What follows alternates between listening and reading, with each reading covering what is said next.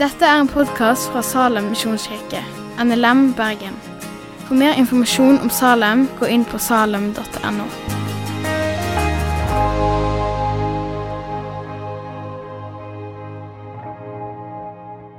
Jeg fikk eh, i oppdrag om å eh, Jeg fikk i oppdrag å snakke om det som jeg syns er den eh, kanskje mest spennende teksten i hele Bibelen. Så jeg er veldig fornøyd. Takk til Gjermund. Ehm, jeg skal få lov å fortelle fortellinga om Josef. Og hovedsaken da, er at dere får lekse. Eh, dere skal lese fra kapittel 37 eh, og ut kapittel 46. Eh, og vil du ha en spesiell bok? Nei, jeg må ikke. Nei? Nei, Nei men det, du kan få en spesifikk bok. Ja. Det kan du. Det er Første Mosbok, eh, kapittel 37 til 46. Så veit dere det. Eh, dere kan få lov å hoppe over kapittel 38 hvis det gjør det lettere å begynne. Eh, så veit dere det. Men denne fortellinga om Josef dette er den første fortellinga i Bibelen, og kanskje den mest utprega redde verden-teksten. Eh, derav på en måte tittelen 'Verdens frelser'. Eh, så på en måte alle som driver med skolestreik for klimatet, eller andre på en måte eh, prosjekt som handler om å redde verden, så, eh, så er de på en måte tidligst nummer to i rekka. Fordi at førsteteksten, som handler om å redde verden, og som jeg etter hvert kommer til å komme inn på, blant annet handler om å redde verden, det er på en måte fortellinga om Josef. Jeg kommer til å snakke om Josef eh, og en til. Eh, I hovedsak i form av tre eh, nøkkelbegrep. Det er bror, fremmed og sønn. Og det er de tre tinga som vi på en måte skal prøve i denne talen i alle fall, eh, å knytte dette litt sammen med. Eh, for vi blir Eh, interessant nok, og dette, dette synes jeg faktisk er en av de tingene som fascinerer meg mest når jeg begynte å kikke på den teksten her. Eh, og det er at de første tekstene i Bibelen som omhandler sønner som er en del av en søskenflokk, og faktisk også langt på vei døtre, eh, det er konflikt. Du hører at Kain og Abel blir født. Eh, og så går det ett vers, og så skal de drive en ofring, og så er det full krig. Eh, som ender i at den ene dør. Så hører du selvfølgelig ganske lenge etterpå om Jakob og Esau, som før de blir født, så forteller mora at de slåss i magen. Og så fortsetter jo på en måte de resten av livet. Jakob han er far til Josef. Eh, og Josef opptrer et par ganger som på en måte svar på bønn til sin mor Rakel. Eh, men før han på en måte, når han blir en selvstendig karakter i fortellinga i kapittel 37, så er det en rask fortelling om at han var sønn av Jakob, og så er han i gang å krangle med brødrene sine. Ikke fordi han kanskje nødvendigvis er en kranglefant, men en kan spørre seg om han på det tidspunktet i livet mangler bitte litt sosial intelligens. Eh, og jeg vet ikke, Dere må lese teksten sjøl og gjøre dere opp en mening. Men, eh, men han eh, drømmer. Eh, jeg holdt på å si som så mange andre, men jeg drømmer ikke så masse. I hvert fall. Eh, og han drømmer om eh, noen kornaks som bøyer seg, og der han drømmer om at det er hans brødre og hans far som bøyer seg for ham.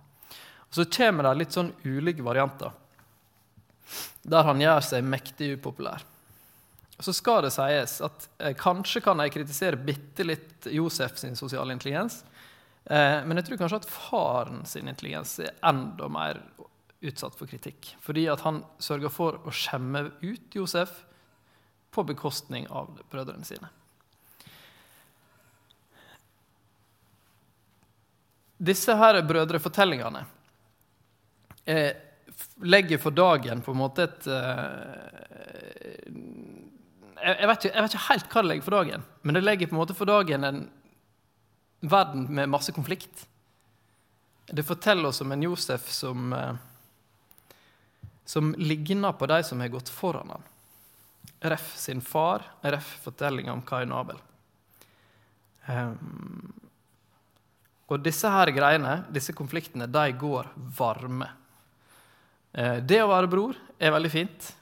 Uh, Bibelen forteller at det er først og fremst en sinnssyk slåsskamp. Um, ja. Den neste fortellinga, det er et sånn stort ett, det første vendepunktet i denne, i denne fortellinga om Josef. Eh, den neste delen av fortellinga om Josef som fremmed den begynner i bunnen av en brønn. På toppen, ut forbi brønnen, så står brødrene, som til tross for at de er ti stykk, eh, krangler. Og til tross for at de har bestemt seg for at de skal kaste han i den brønnen, så klarer de ikke helt å bli enige om what's next. Ja, vi kasta han i den brønnen fordi vi ikke var enige om å drepe han, men hva gjør vi? Hva gjør vi nå? Lang historie kort. Eh, de sender han til Egypt. Fordi det kommer noen forbi med en karavane som har eh, gull, og så selger de bror sin eh, dit. Historien om Josef som en fremmed er kanskje den biten eh, som er mest interessant som en parallell til vår tid. Med mindre du kjenner deg, kjenner deg treft av den biten som handler om brødre. Jeg har på en måte holdt på å si, så heldig og uheldig at jeg har fem brødre som jeg slåss med da jeg var liten, og siden har ikke vi gjort det. Um, men akkurat det der med den neste biten som handler om fremmed, men den tror jeg at vi bør eh, kjenne oss igjen i. Fordi at Josef kommer ifra et paradoksalt nok trygt miljø. Han, er, altså han ser jo åpenbart ut til å ha sensa at brødrene hans hater han. Eh, jeg, jeg, vet ikke helt hvorfor, men, men, men det virker på en måte litt sånn. Eh, helt til den dagen han eh, havna i denne brønnen. Han har bare følt at han har vært elska av sin far, at han har trivdes eh, der han hører til. Og så en dag havner han i brønnen. Men så kommer han til et nytt land. Og der eh, skjer ting raskt. Kort oppsummert, han havna eh, i tjeneste hos en eh, kar som er sjef for livvakten til farao. Eh, får masse tillit. Og her er noen vers eh, som er nyttig for å ta med oss inn i den fremmede Josef sitt liv. Herren hans, altså Herren til Josef, så at Gud, Herren, var med ham og lot ham lykkes i alt han gjorde. Josef fant velvilje hos Herren sin og ble hans tjener. Potifar satte ham til å styre sitt hus og lot ham ta hånd om alt han eide. Og fra den tid egypteren satte ham over sitt hus og alt han eide, velsignet Herren hans hus på grunn av Joses. Herren var med Josef og lot ham lykkes, og han ble boende i huset til sin egyptiske herre. Fordi han er i et nytt land. Han er i en ny plass. Men han kjenner Gud. Hvis dere vil ha en liten omvei, da eh, Jeg merker at dette begynner å bli mer en slags eh, forsøk på en bibeltime enn en tale. Så jeg stryker i sjangeren tale. Håper jeg består i sjangeren bibeltime. Dere får, eh, dere får bare dere får bare bære over med meg til beste evne. Eh, men hvis dere blar til Romerne 1, da, eh, så eh, får dere en Eh, en innføring i på en måte det, det som står Guds dom over hedenskapet i vers 18-32. Det er en lang lang liste. Vi skal ikke lese hele. Men introen der, den må vi få med oss. Guds vrede åpenbares fra himmelen over all ugudelighet og urett hos mennesker som holder sannheten nede i urett. For det en kan vite om Gud, ligger åpent foran dem. Gud har selv lagt det fram. Eh, og så fortsetter det på en måte med en eh, lang liste. Og så kommer en, en annen ting, der det står De kjente Gud, men likevel lovpriste og takket de ham ikke som Gud. Og med sine tanker endte de i tomhet, og deres uforstandige hjerter ble formørket. Så kommer det en ny eh, liste med oversikt over på en måte, hva skjer eh, når det er på en måte konsekvensen. Når, når ikke Gud får være den vi tilber og lovpriser. Og så kommer det nok en runde da, der det står de brydde seg ikke om å kjenne Gud, og derfor overga Gud dem til en sviktende dømmekraft, så de gjør slikt som ikke sømmer seg, fulgt av ny liste. Altså, hvis du snur dette positivt, eh, som på en måte også er hele Paulus' intensjon med å skrive det brevet der, så sier han noe om at eh, Gud har gjort seg kjent. Eh, det vi kan vite om Gud, altså det vi kan tenke oss fram til om Gud, ligger åpent foran oss. Det er det ene. Vi kan, vi, tanken, tanken, vår forteller oss noe om hvem Gud er. Eh, det andre hvem er det vi tilber, hvem er det vi lovpriser? Eh, fordi at det vil merkes på oss, sier Paulus i innledninga.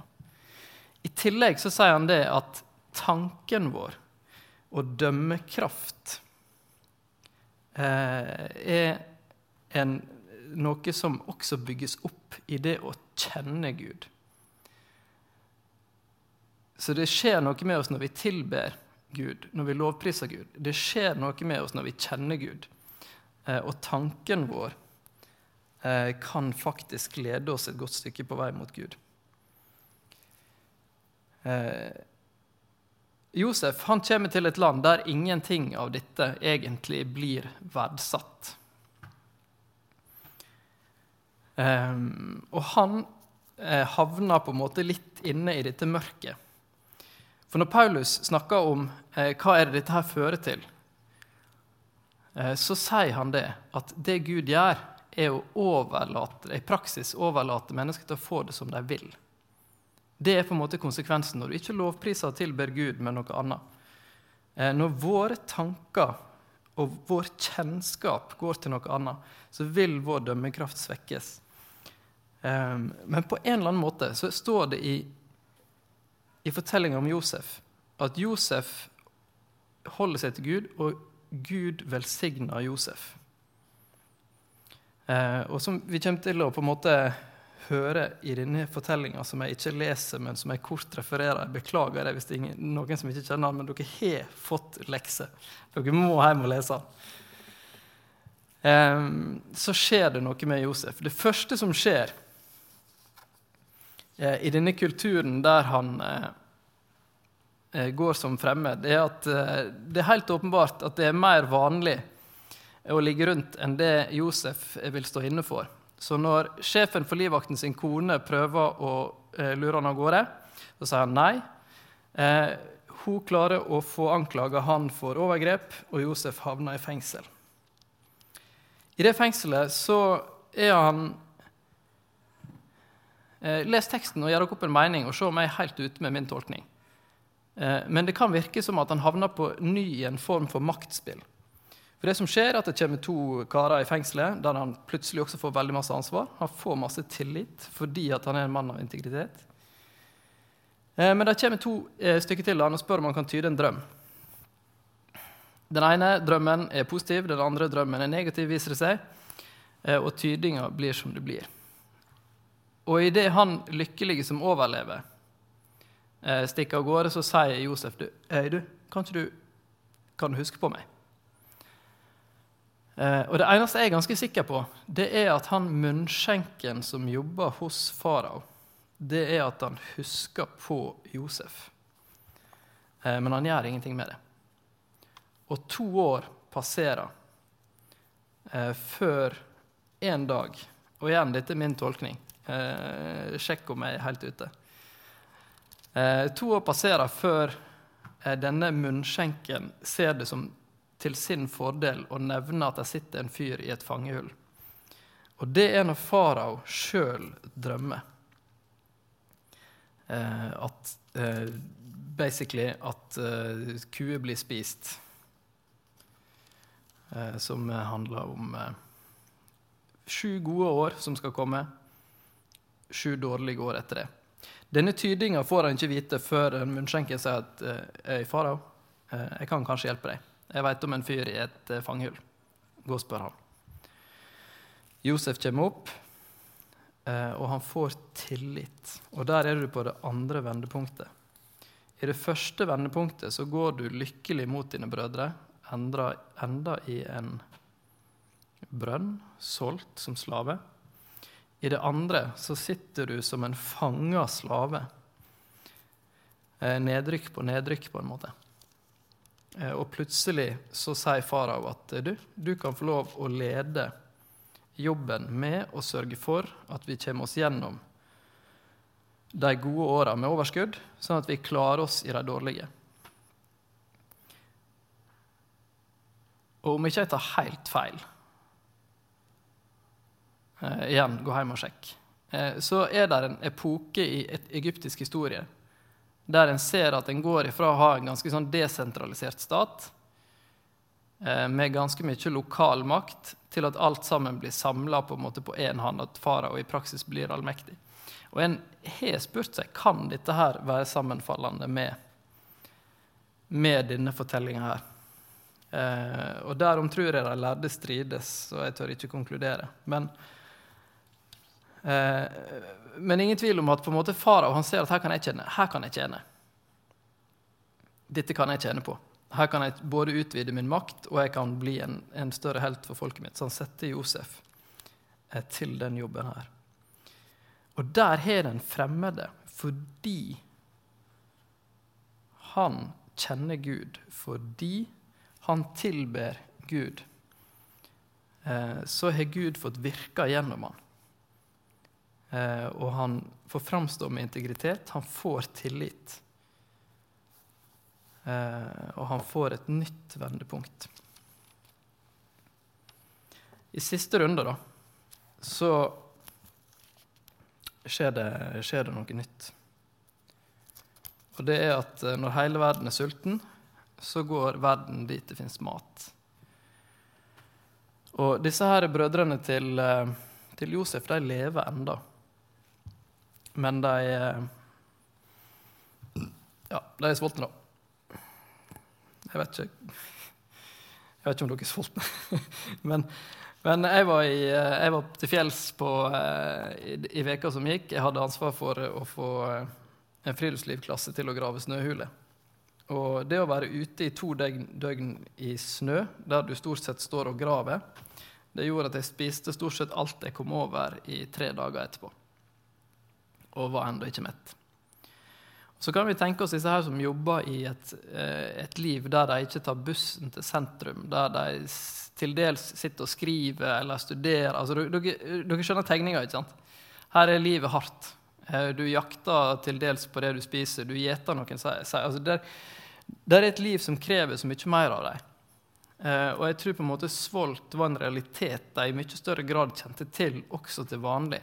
Men her får du en situasjon der det ser ut som at verden i praksis skrus av når det kommer til at jorda skal fungere som noe som gir mat. Eh, så der kommer, kommer rett og slett disse her brødrene til Egypt. Og her skjer det noe igjen. Fordi at der tidligere i fortellinga eh, så har stort sett Når vi møter Josef først, er han stort sett presentert som far. Nei, som, som, bror til sine brødre. Der er en sørgende far i bakgrunnen, ja, men det handler mest om på en måte en slags strategi for disse her brødrene. Vi treffer han som er fremmed, men så, her er det et eller annet. Her treffer vi en Josef som først og fremst eh, er bror, men kanskje aller mest sønn. Fordi at Josef har funnet seg til rette i Egypt. Han har fått en meningsfull jobb, han er familie, han har fått barn som han ved navngivinga forteller at disse trøster meg eh, i det livet som så ut til å gå i dass. Eh, disse ga håp. Men likevel så skjer det noe når han treffer disse brødrene sine, som han 13 år tidligere hadde forlatt eh, som deres sitt salgsobjekt. Eh, så skjønner han Det første spørsmålet han stiller, er eh, når, litt seinere ute i fortellinga lever, eh, lever min far enda? Eh, og han setter i gang et testprosjekt eh, som savner sidestykke. Eh, jeg jeg syns det er ganske godt drama. da. Eh, jeg kommer ikke til å gjenfortelle det som en del av mitt forsøk på å få dere til å uh, gire dere bitte litt på å lese det en gang til. Eh, men, men, det ender i eh, en, en fortelling Eh, der eh, de gjennom flere steg eh, blir knytta nærmere og nærmere opp igjen tilliter som familie.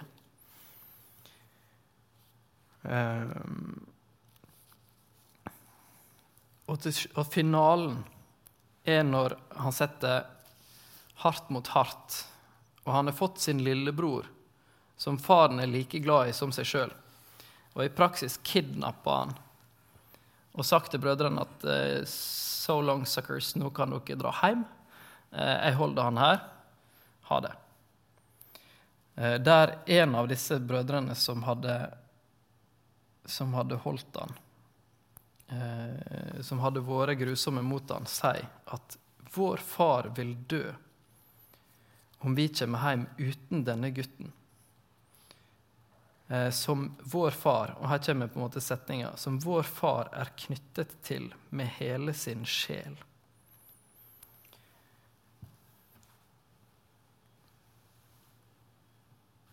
Og der kommer det på en måte fram, den der enorme forbindelsen som Josef har til sine søsken, til sin far, og som hans far har til han, og broren som var meint som en erstatning for den kjærligheten Jakob som far hadde kjent til Josef, som han nå trodde var død.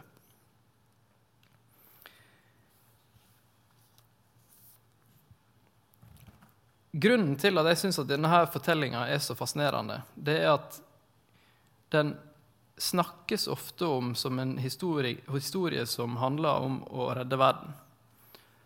Eh, og vi forteller den ofte som en historie som handler om å redde verden. Eh, men hvis du ser på bruken av plass i denne fortellinga, så handler den biten som handler om handler om, handler om, handler om eh, å redde verden, den er ganske liten. Den er egentlig ikke så stor. Den er rundt et kapittel. Resten handler om disse brødrene som ryker i tottene på hverandre, eh, og om forsoninga mellom dem, mellom faren Eh, og det som kan gjenopprette det som er ødelagt. Og Hvis vi da zoomer oss framover For øvrig et svært dårlig uttrykk, men dere skjønner. Kanskje spole er det vi jakter på. Um, så er dette fortellinga om Jesus. Fortellinga om Josef er ganske mye mer forståelig enn fortellinga om Jesus. På en måte. Fordi ja, Jesus går rundt, han sier masse klokt. Han helbreder syke. Han går på vannet. Han gjør alle disse tingene som vi på en måte kan lett identifisere oss med, som handler om på en måte å redde verden i stort eller smått. Eh, men samtidig så er det noe med at på en måte det Jesus holder fram som det viktigste han gjør, det er denne forsoninga.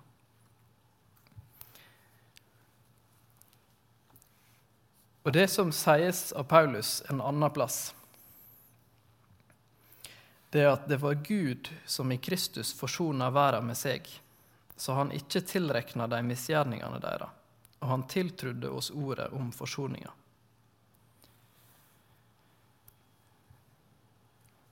Og det samme med, det samme med Josef. Ja, Josef redder verden med å sette opp lager der de samler 20% av alt som blir produsert i sju år, og så setter de dette her inn på lager, så det kan selges eh, når eh, de sju neste åra kommer, som er dårlige. Men det skjer også noe mer. Det er en fortelling underveis i dette her, litt før eh, Josef avslørt hvem han er, så er det kanskje den delen av fortellinga som har fått meg til å undre meg mest.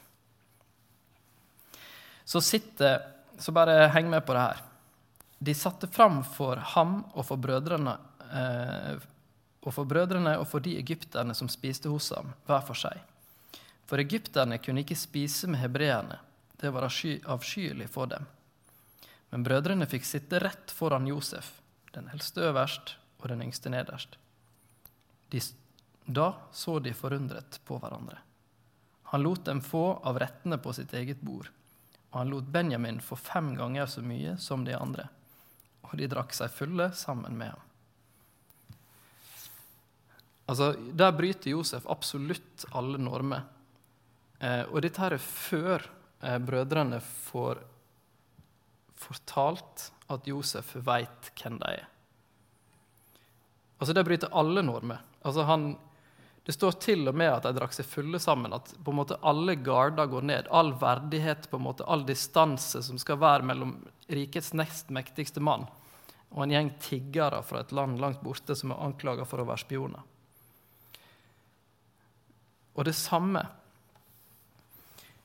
så sier Jesus at mens vi enda var syndere, så kommer Jesus. Så blir han som en slave eh, som tar på seg vår synd, på samme måte som at Josef i praksis bærer konsekvensen av sine brødres idiotskap og misunnelse. Eh, og går gjennom og bærer den, og til slutt så frikjøper han sine sine brødre, så er det det Jesus gjør når han som sjøl er Gud, som sjøl har en sjel som er ett med far, ikke bare uløselig knytta med sin far, som vi leser om Jakob sitt forhold til sine favorittsønner. Men Jesus som vår bror blir en fremmed, og som Guds sønn så gir han på en måte fra seg den rettigheten Eh, for at vi også skal få bli det.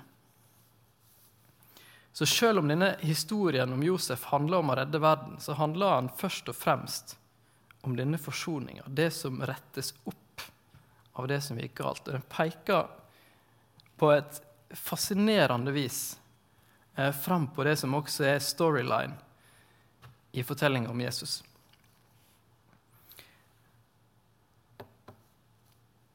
For det var Gud som i Kristus forsona verden med seg, så han ikke tilrekna de misgjerningene deres, og han tiltrudde oss ordet om forsoninga. Så på samme måte som disse brødrene får spise av kongens bord,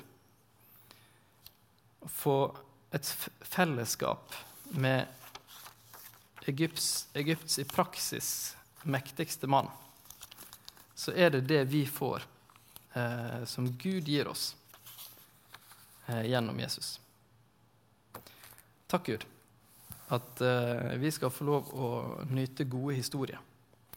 Takk for at eh, vi får lese og glede oss og undre oss over det.